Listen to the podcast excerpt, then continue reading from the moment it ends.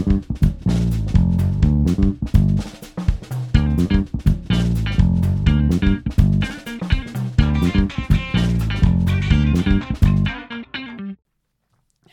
och välkomna till den första och enda podcasten i världen. Det känns som att andra borde göra detta, men eh, ja, jag är det först alltså. Och eh, jag kom på formatet när jag lyssnade på radion en dag och kände, vet du vad som hade gjort det här bättre?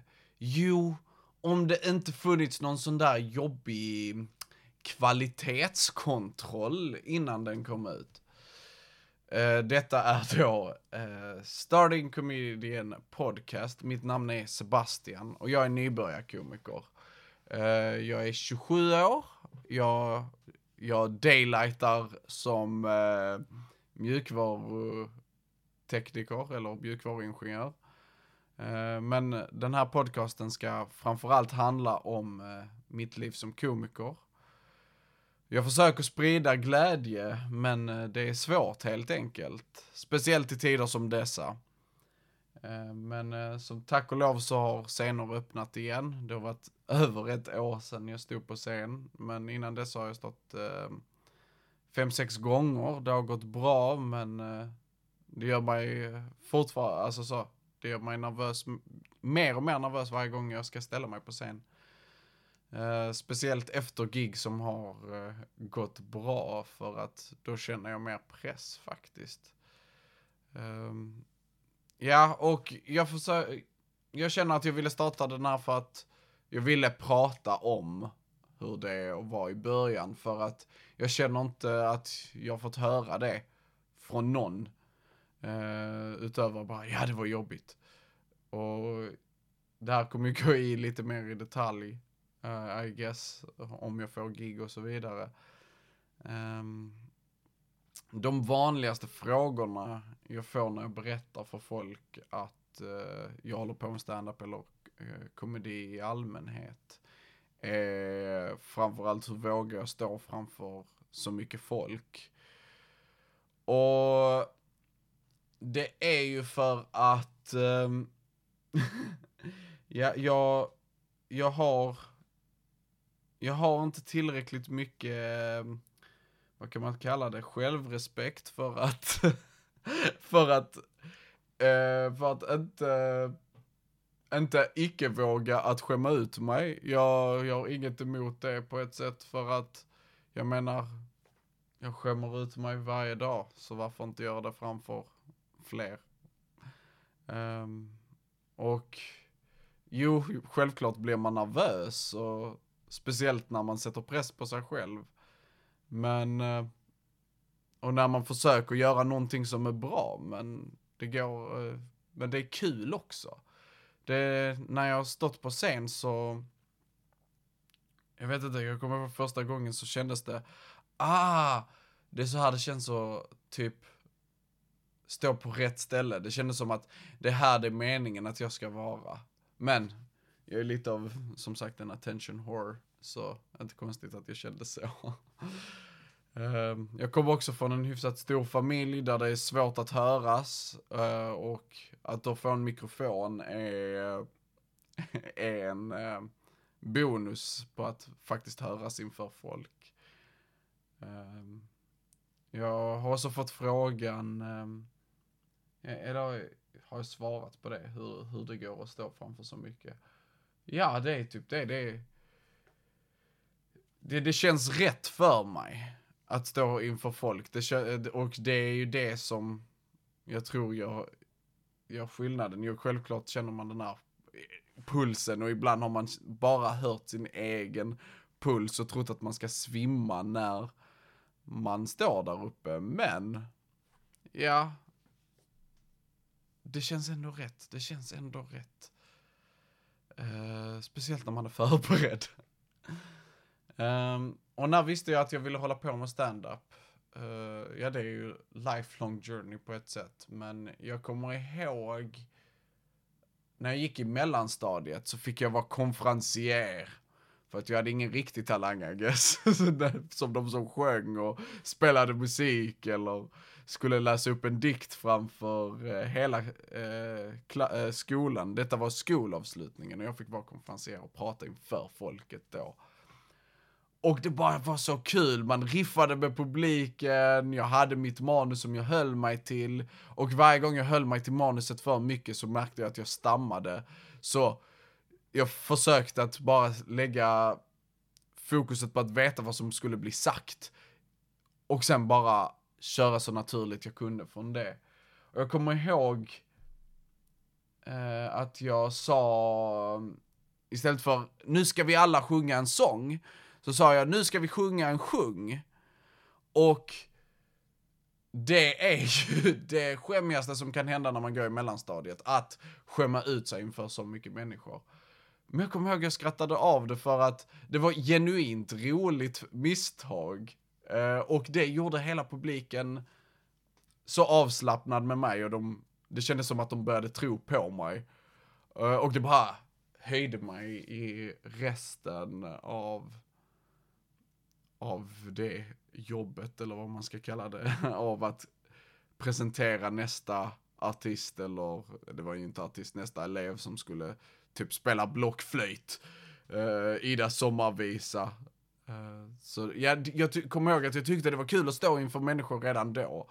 Och varje skolpresentation var en ursäkt att säga vad som behövde sägas, men hitta på så mycket skämt man kunde mellan varje, eh, mellan varje slide eller mellan varje ämne bara för att delvis hålla publiken vid liv och för att underhålla mig själv framför allt. När man pratar om typ, jag vet inte, industrialismens historia så kunde man få in lite eh, skämt där I guess. Eh, och jag kommer ihåg den första stora artisten jag såg, eh, det var en inspelning då på scen var eh, det var nog eh, Eddie Murphy, Delirious. Jag vet inte varför min pappa tyckte det var okej okay att visa en eh, 12-åring Eddie Murphy, Raw, Delirious, men det hände och jag bara, aha, så man kan jobba som detta ändå. Eh, det är inget jag hade övervägt. Vad man hade övervägt innan dess var kanske, ja antingen trycka på datorn som mamma och pappa gjorde, eller att vara programledare för Bolibompa. Det var typ de karriärsvalen man hade, men sen så såg man så, jag såg Eddie Murphy på scen och jag bara, okej okay, så han bara pratar och han säger roliga grejer och får folk att skratta. Jag vill det på ett sätt. Um, och när jag växte upp så var ju också Stockholm Live ganska stort. Eh, uh, Tv-programmet då. Uh, jag kommer från Malmö. Jag vet ju, eh, min dialekt maskerar det väl, men ja, jag kommer från Malmö. Uh, och ja, det var ju inte som att man kollade mycket på, man var ju inte på, i Stockholm så mycket då, så jag såg ju Stockholm live på SVT. Eh, och jag bara tyckte att det var, verkade så roligt. Eh, utöver det så, ja det, det, jag tror det är det som eh, var fröet och efter det så har jag kollat på mer och mer stand-up och jag insåg att det var dags för mig att stå på scen när jag och en kompis i månader började, eh, höll på att lyssna på komiker. Och sen när vi hade hört ett skämt så bröt vi ner varför det var roligt. För jag, jag har alltid tyckt det är intressant om att när en person säger ett skämt så är det kul, men när, när en annan säger exakt samma samma premiss och samma punchline och så vidare så är det inte roligt längre. Det hände mig ganska ofta eh, som eh, yngre när jag var inte i ett gäng och jag var inte den roliga i gänget. Men jag sa ofta ett skämt.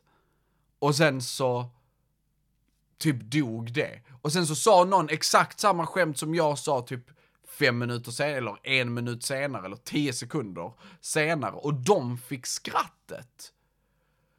Och jag, det, det frustrerade mig till ingen ände. Men jag, jag bara förstå, förstod inte varför det var så. Det var alltid liksom så här class clown som fick skrattet.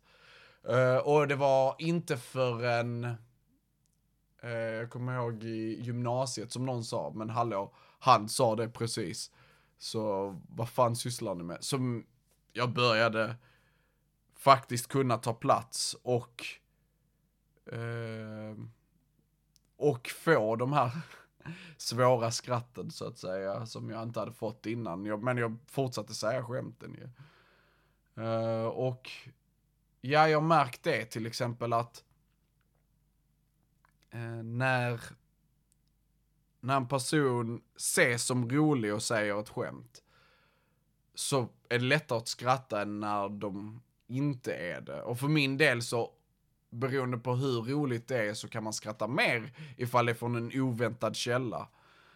Uh, men om det är från bara någon som pratar ständigt som jag så var det inte någonting som uh, folk förväntade sig från mig på det viset att det skulle vara roligt det jag sa. Eh, men så fort folk började förvänta sig att det jag sa var roligt så skrattade folk mer. Ja, det är lite weird. Och var får jag materialet ifrån? Eller var får jag mina skämt ifrån? Uh, har jag fått frågat några gånger. Var, hur kommer du på ett skämt? Och jag tror det är olika för olika komiker. Uh, men jag tror också någonting som sammanbinder alla komiker på något sätt är att deras hjärna fungerar inte riktigt som alla andra, så bara man ser någonting som är fel och vill antingen korrigera det eller uppmärksamma det på något sätt. Uh, och ibland så är det inte ens igenkännbart. Och då, då för min del så faller ett skämt, men jag har hört komiker som är duktiga nog att förklara en premiss, att de får med sig eh, få med sig publiken.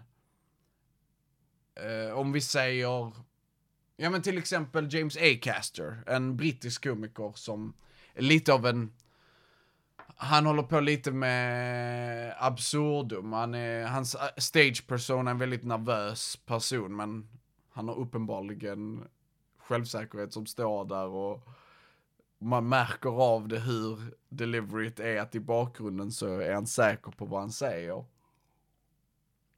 Men han har en hel, eh, hel grej med att han var i tandläkarkontor. och så på väggarna så var det bilder på animerade tänder. Och tänderna hade munnar som log. Och i de munnarna hade de tänder. Och det är nog ingen som nödvändigtvis har tänkt på det innan eller liksom så känner igen sig om att ja, det är ju jättedumt. Men han förklarar premissen så väl att man sitter där och gapflabbar åt hur frustrerad han blir över hur djupt går den här tand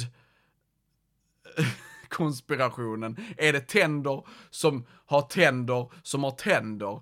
Eh, och vad, hur fungerar deras universum?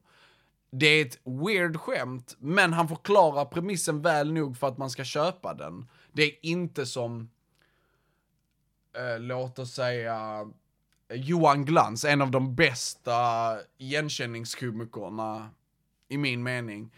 Där han bara typ berättar om, ja men han skulle klippa häcken och visst är det dumt att eh, kabeln till häcksaxen, till den elektriska häcksaxen, är bara typ 10 cm lång.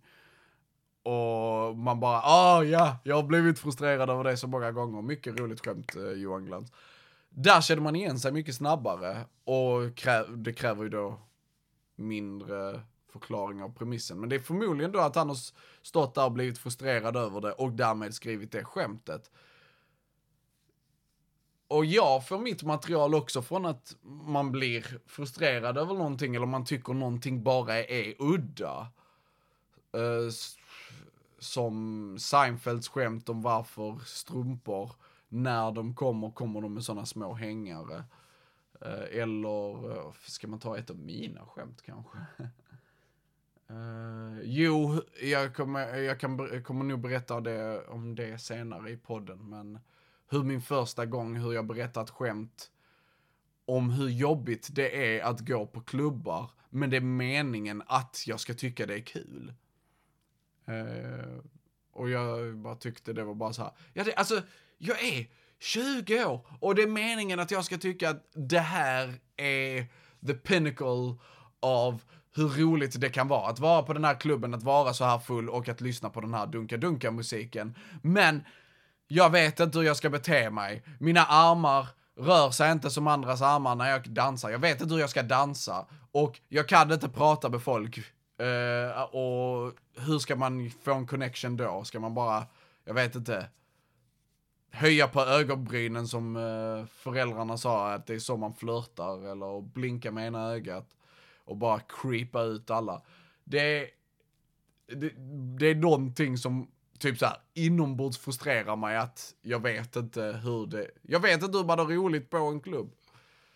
Och jag tror vissa kan känna igen sig i det. Ibland när man har nyktrat till på en klubb eller man, har, man bara inser att någonting som alla säger ska vara roligt, men man tycker inte själv är roligt. Jag fick också eh, skrivit en fråga av, eh, av faktiskt en vän till mig. Jag skapade ett instagramkonto där jag bad folk att ställa frågor ifall de hade några frågor till mig. Uh, som komiker, för då kan jag svara det till fler och då skrev de, uh, undrade de ifall jag någonsin improviserar på scen. Och det har ju hänt. Jag vet, jag vet var jag vill komma. Uh, och ibland, alltså så när du står på scen, det händer oväntade grejer. Det kommer någon där ute som, utanför en bar, och så hör alla i baren vad de säger. Det, det hände mig på ett gig. Och då börjar folk skratta åt det, fokuset försvinner från mig. Och jag vet, jag började skämta om det de sa och göra en liten skit om det. Men eh, just nu så speciellt eftersom man har tidspress på fem minuter ish varje gång man står på scen så brukar jag ändå hålla mig till det mesta materialet. Men jag har märkt när jag väl improviserar, det är då jag får de bästa skratten för mig. För jag tycker ju helt plötsligt det är roligt. Um, när jag har övat på ett skämt 10, 100, 1000 gånger, alltså framför mig själv i spegeln eller framför min egen kamera, då, då är det ju inte lika kul för mig när jag berättar det den tusende gången på scen. Men jag måste få det lika roligt. Men när jag väl improviserar, när det händer något oväntat, får jag en möjlighet att ha roligt. Och jag märker publiken, publiken följer med. Publiken gillar när man har roligt på scenen. Uh, och det är för dem man är där. Så det är ju någonting jag kämpar med. Att försöka göra det här skämtet roligt när jag själv vet om allting som ska komma. Det måste vara roligt för mig för att göra det roligt för någon annan. Eh, jag är inte en George Carlin där det är nästan lyriskt eller bara, bara orden som man skriver är så välskrivna att en dator kan läsa upp dem och det är fortfarande ett bra skämt.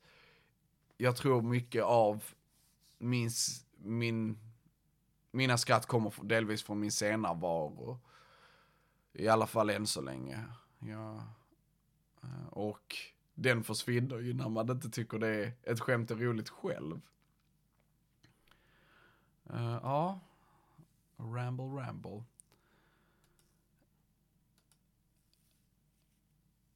Och ja, jag kan... Jag kan nog berätta om min första gång jag var på scenen då. För...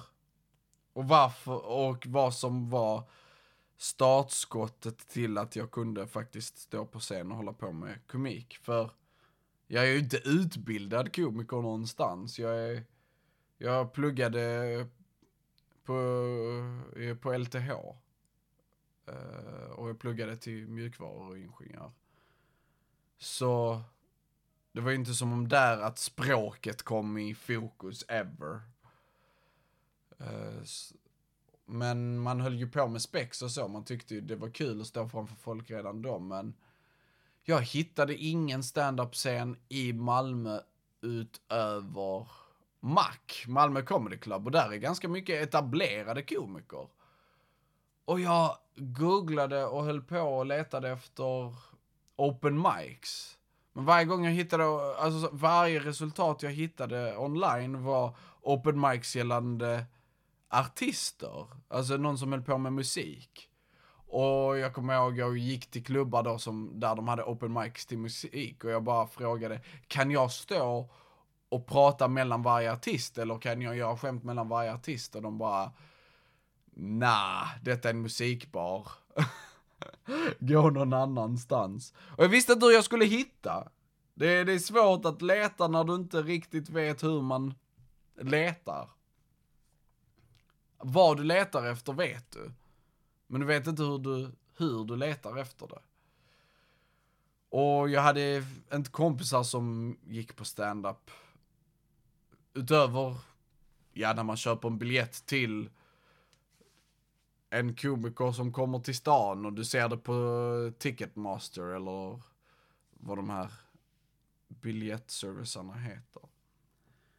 Eh, och någonting som fick det här sökandet till att gå till nästa nivå var att eh, ja, jag var ihop med en tjej i nästan tre år. Och tyvärr klyschig, klyschig i början på en historia. Ja, och hon gjorde slut med mig. Så därför kände jag att jag måste ändra på mig. Uppenbarligen behövs lite introspekt här. Alltså om man bara skyller på den andra personen, det leder ju ingen vart. Det är dags att se vad som hände rent med mig och jag insåg att jag hade förlorat mig själv i förhållandet. Jag hade definierat mig som hennes pojkvän. Och det är ju kanske också därför hon fann mig mindre attraktiv på slutet. Eh, jag, som sagt, hade förlorat mig själv. Och när du inte varit dig själv på över ett år, så kommer frågan, men vem fan är jag? Vad vill jag egentligen? Och jag insåg, kommer ihåg, jag hade ett ganska tråkigt projekt jag satt på på jobbet. Så jobbet gav, man, gav mig ingen glädje och då gick man ju bara liksom så här från dag till dag och kände sunk. Alltså jag är inte, jag är inte en pojkvän, jag tycker inte det är kul på jobbet. Jag har bra kompisar men de har ju också sina egna liv. Vem är jag utöver det? Vem är jag utöver när andra låter definiera mig? Och sen så inser jag, ja men jag vill att andra ska definiera mig. Jag vill stå på scen. ja, det, det är ju någonstans det också att man håller väl på med det för att ens självbild är lite skev och man måste låta andra definiera en. Så jag insåg, jag vill, jag vill hålla på med stand-up. Det är, det är någonting jag strävat efter gång på gång på gång när jag, när, när, när jag inte, när jag vill göra vad jag vill göra och inte har andra ansvar. Vad vill jag göra? Ja, men jag vill skriva och berätta skämt. Då, då bara, ja men jag ska hålla på med Och jag letade överallt. Samma sökande gick en, en gång till som hade gjorts för några år sedan. Men nu berättade jag om mitt sökande. Ibland, det, detta är ett tips för alla. Ibland om du har ett problem, var inte stolt och håll problemet för dig själv. För andra kan ha svaret berätta om dig själv för folk och när du berättar, berätta om dina problem. För svaret kom i att, ja, min pappa pratade om mig på sitt jobb och de bara sa Ja men i Trelleborg har de en open mic eh, på torsdag. Nej, det var på fredag. Sa han. Och jag, och han bara berättade för mig och jag bara, jag var taggad på att bara gå och se. Så jag bara, ja okej, då vill jag se hur det är att open mic'a. För nu, nu finns det åtminstone möjlighet att se hur någon som open mic'ar gör och man kanske kan fråga folk där. Så jag gick och kollade på Trelleborg Comedy Club. Uh, faktiskt en eh, trevlig, trevlig klubb i, som, i Trelleborg. Uh, den, den körs av Damian Alin. och den är, den, varje gång jag varit där så har det varit på Trelleborg stadsbibliotek. Eh, så de som kommer är ofta, låt oss kalla det familjeåldrar. Eh, det är, det är typ föräldrar och barn. Det är inte mycket 20-åringar om man ska kalla det det. Så många av skämten är inte överdrivet edgy som sägs där heller. Eh, och det, det, it's a fun time. Men det är open mics. Och jag gick dit och jag tittade och det var jag och min syrra, när, när till exempel en cringe-komiker kom upp. Så skrattade jag och min syrra. För att vi förstod vad han försökte göra. Men ingen annan i publik, publiken, publiken eh, skrattade. För att de bara kände cringen och jag, jag, någonting jag har känt är att liksom så, i alla fall mina föräldrars generation, eller mina föräldrar, de gillar inte cringe-komik. De bara, varför ska jag må dåligt? Jag vill vara bra. Sluta med den här jävla cringe-komiken. Och den här cringe-komikern sa så här massa roliga grejer och jag bara skrattade. Och... Det, det, var, det var så härligt att se folk försöka. Uh, och jag kände att jag kan åtminstone försöka på samma sätt som de här har gjort. Och jag gick och pratade med Damian och sa till honom att jag vill, jag vill testa. Han sa, ja men kom hit med fem minuter. Och så kommer så kan jag eh, för, vara förberedd och kom in med fem minuter. Och försök, eh, så, så ska jag få, få dig på scen. Um, tyvärr så körde jag över tiden och har kört över tiden alla förutom en gång. Uh, vilket jag inte rekommenderar. Uh, men ja. Uh, jag körde över tiden den gången. Jag tror, för att när jag körde hemma så märkte jag, ja men jag kunde säga alla skämt snabbare. Jag kunde säga allting snabbare. För man väntade inte på någon. Man väntade inte på en reaktion på publiken. Man väntade inte på att tonläget skulle komma på rätt sätt. Man, man bara sa orden i princip. Och ibland är det så, ni kanske har känt det när ni gör en powerpoint-presentation eller när ni ska göra en presentation till jobbet eller skolan eller whatever. Att hemma går det jättefort eller jättelångsamt. Men på plats så går det i en helt annan hastighet. Och för mig gick det mycket, mycket långsammare på scen. Så hemma så hade jag skalat ner det till fem minuter och det blev typ 7-8 på scen. Uh, och jag, jag gick upp och mitt första skämt handlade om, för jag bara, för, för att jag, när jag väl fick deadlinen om att, ja men om en månad så ska jag stå på scen ju. För att det, det, de kör en gång i månaden. Så om en månad ska, det, ska jag stå på scen.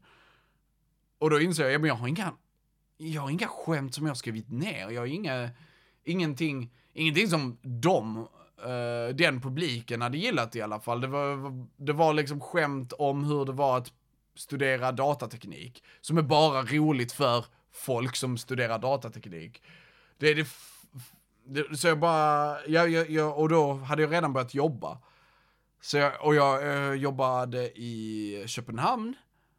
Och jag satt på tåget i massa timmar och jag bara, det måste finnas någonting kul som händer på tåget. Eller någonting som är absurt. För att där, jag sitter här i över en timme och det är massa bullshit som händer och icke händer. För alla är ju tysta, speciellt på morgonen och alla bara låt mig komma till dit jag ska.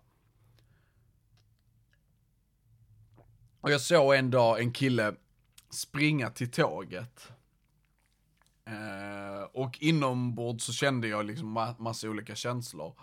Och då bara, jag gillar att dra så här alla över en kant på ett sätt, för det blir ofta roligare och säga att det finns två olika typer av människor här i världen och det är goda och onda. Och en god person eh, önskar ju självklart att den här individen som springer till bussen eller tåget ska typ channela sin inre Usain Bolt och bara skuta in och hinna innan dörrarna stängs. Medan en ond person sitter och hejar på dörren. Och jag bara tyckte att redan där var det lite roligt att bara man sitter och hejar på dörren. För ibland så bara, ja man vill se den här individen bara faceplanta eller snubbla på vägen bara för att se dem missa. Och vissa är ju självklart frustrerade över att deras tåg blir försenat ifall en, vad heter det, lokförare? ifall en lokförare, det låter som konduktör.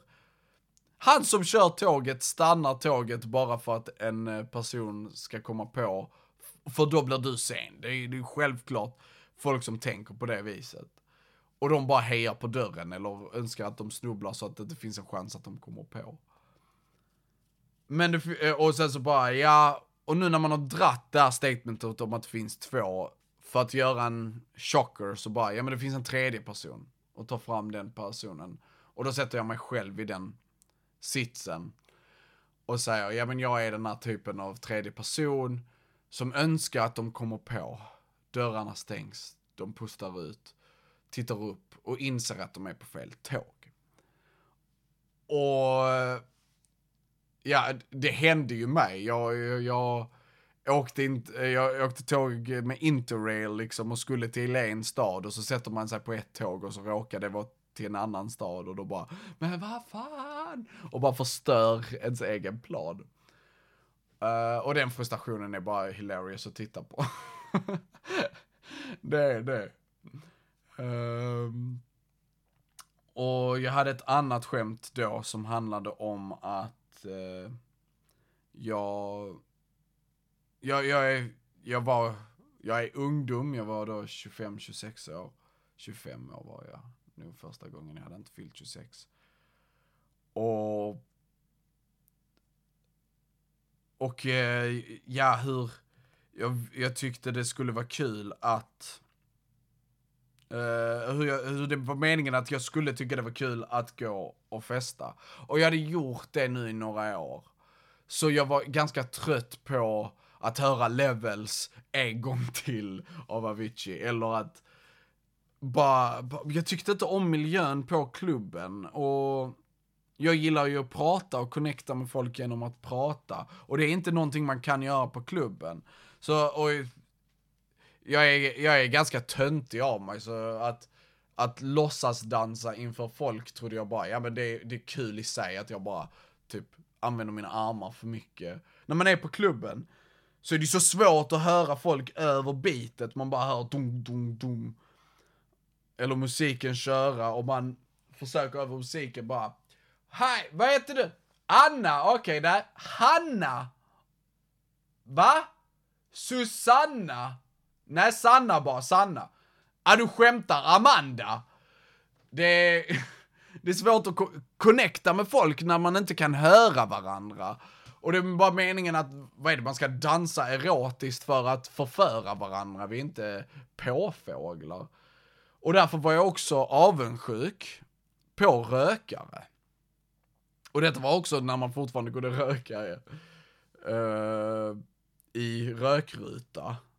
Och då bara, ja, när de tar då en tjej till rökrutan så kunde de, det är nästan som att ta dem till ens privata ateljé eller balkong och bara, ja, det här har jag inrett själv, liksom den där spyan i hörnet och askfaten till vänster det, det, och bara presentera och kunna connecta med någon på det viset. Och ifall man inte har en tändare, ja då tänder de ju genom att nudda toppar och de suger och blåser och det är ju redan sexuellt redan där, bara innan de ens börjat röka. Och sen står de ju där och tjötar och sen när de kommer in så har de ju ännu en tredje grej som förbinder dem och förbinder dem emot alla här andra som är på den här klubben genom att de båda nu stinker. Och de stinker samma stank. Så de har ju bara varandra. Det är de mot världen. Och jag kan ju aldrig få den connectionen med någon annan. Jag kan ju bjuda ut någon till rökrutan, men hur gör jag? Bara så, ja, jag hörde på nyheterna att uh, det är fullmåne i natt, så vill du ut och kolla på den? Nej, men det går ju inte. det går ju inte att försöka få ut någon på det viset, så ja. Det, det är också lite busigt med rökning med att man bara säger, ja, vill du göra någonting som vi kommer ljuga för våra läkare om. Så man har ju det, eh, man hade så många fördelar och jag tror jag avslutade hela grejen med, ja jag tror det var därför Marlboromannen, eftersom han stank, behövde alltid stå utomhus. För att hans fru bara sa till honom, nej du får stå ute tills du slutar lukta som att du pullat uh, ett askfat. Och eh, jag bara märkte att, äh, alltså, bara att säga det ordet, det kändes fel ur min mun och det såg publiken, så jag bara avslutade på en fucking dud. Uh, men, jag hade gjort det. Jag, efter, jag, efter jag hade gjort hela mitt set, så hade jag gjort det. Jag behövde inte... Jag, jag, jag har stått på scen nu det var inte värre än så. Jag, jag trodde att jag skulle misslyckas redan när jag gick upp och jag fick skratt. Och eftersom mina föräldrar var i publiken och så här så fick jag lite pity laughs också. Men det hjälper! Det hjälper när man står där och är supernervös att någon bara skrattar till och bara säger i princip med sitt skratt att bara jag hör dig, jag vet vad du pratar om. Uh, och det, det är en helt, helt unik helt unik uh, experience, skulle jag nu säga. Um, och efter det så liksom satt man och snackade med komikerna och man, där kunde man connecta med dem och se hur får ni gig och ah, finns det klubbar i Malmö? Jag bor i Malmö och jag hade inte varit på stand-up i Malmö utöver Mac. Så jag visste inte att det fanns stand-up klubbar som höll på med så här open mics. Och de bara sa, ja men om du pratar med den här personen så kommer du säkert få fem minuter där och om du, om du gör detta här så, så, så kan man få tider där och ja, det, det är skitkul faktiskt. Och i alla fall min erfarenhet i Malmö är att alla kubiker vill de andra väl. Man försöker bara vara, de jag träffat är väldigt trevliga människor jag har hört andra erfarenheter i andra delar av landet. Men det är inte min erfarenhet. Min erfarenhet av att alla är fucking cool guys och gals och det är bara goa människor att prata med. Så därför så kommer jag faktiskt också intervjua folk på den här podcasten. Um, så kan det, jag tror också det är mycket trevligare att höra någon annan prata än bara mig. Uh, och ja, utöver det, vad, vad kan jag säga mer? Jag hoppas verkligen att du, tycker, eh, du, du som lyssnar tyckte om den här podden. Jag försökte bara göra folk glada. Uh, och ja, det, det, det är alltid mitt mål. Det, jag försöker sprida glädje, jag försöker sprida positivitet genom detta. Och ibland bara behöver man höra någon köta om saker som är absurt här i livet. Um, och ja, kommer att bli några, på, uh, några avsnitt som säkert är lite mer så här personliga som denna. Och andra som där det är intervjuer. Uh, nästa avsnitt kommer vara en intervju med en amerikansk komiker, så det kommer vara på engelska. Uh, som heter P.D. Ransell. lyssna på den, för att, ja, jag tyckte det var mycket bra som sades, både för en ny komiker och för någon som bara vill lyssna på en historia om hur det är att vara komiker. Um, men, ja, vad jag vill säga är liksom i så fall tack för mig. Jag är Sebastian, the starting comedian. Och eh, jag vill också tacka min syster Emilia för att hon eh, skapat eh, denna jingeln, poddjingeln som ni hör just nu. Eh, och eh, vi hoppas att alla har det bra till nästa gång. Eh, och att ni lyssnar på nästa avsnitt. Puss på er. Hej.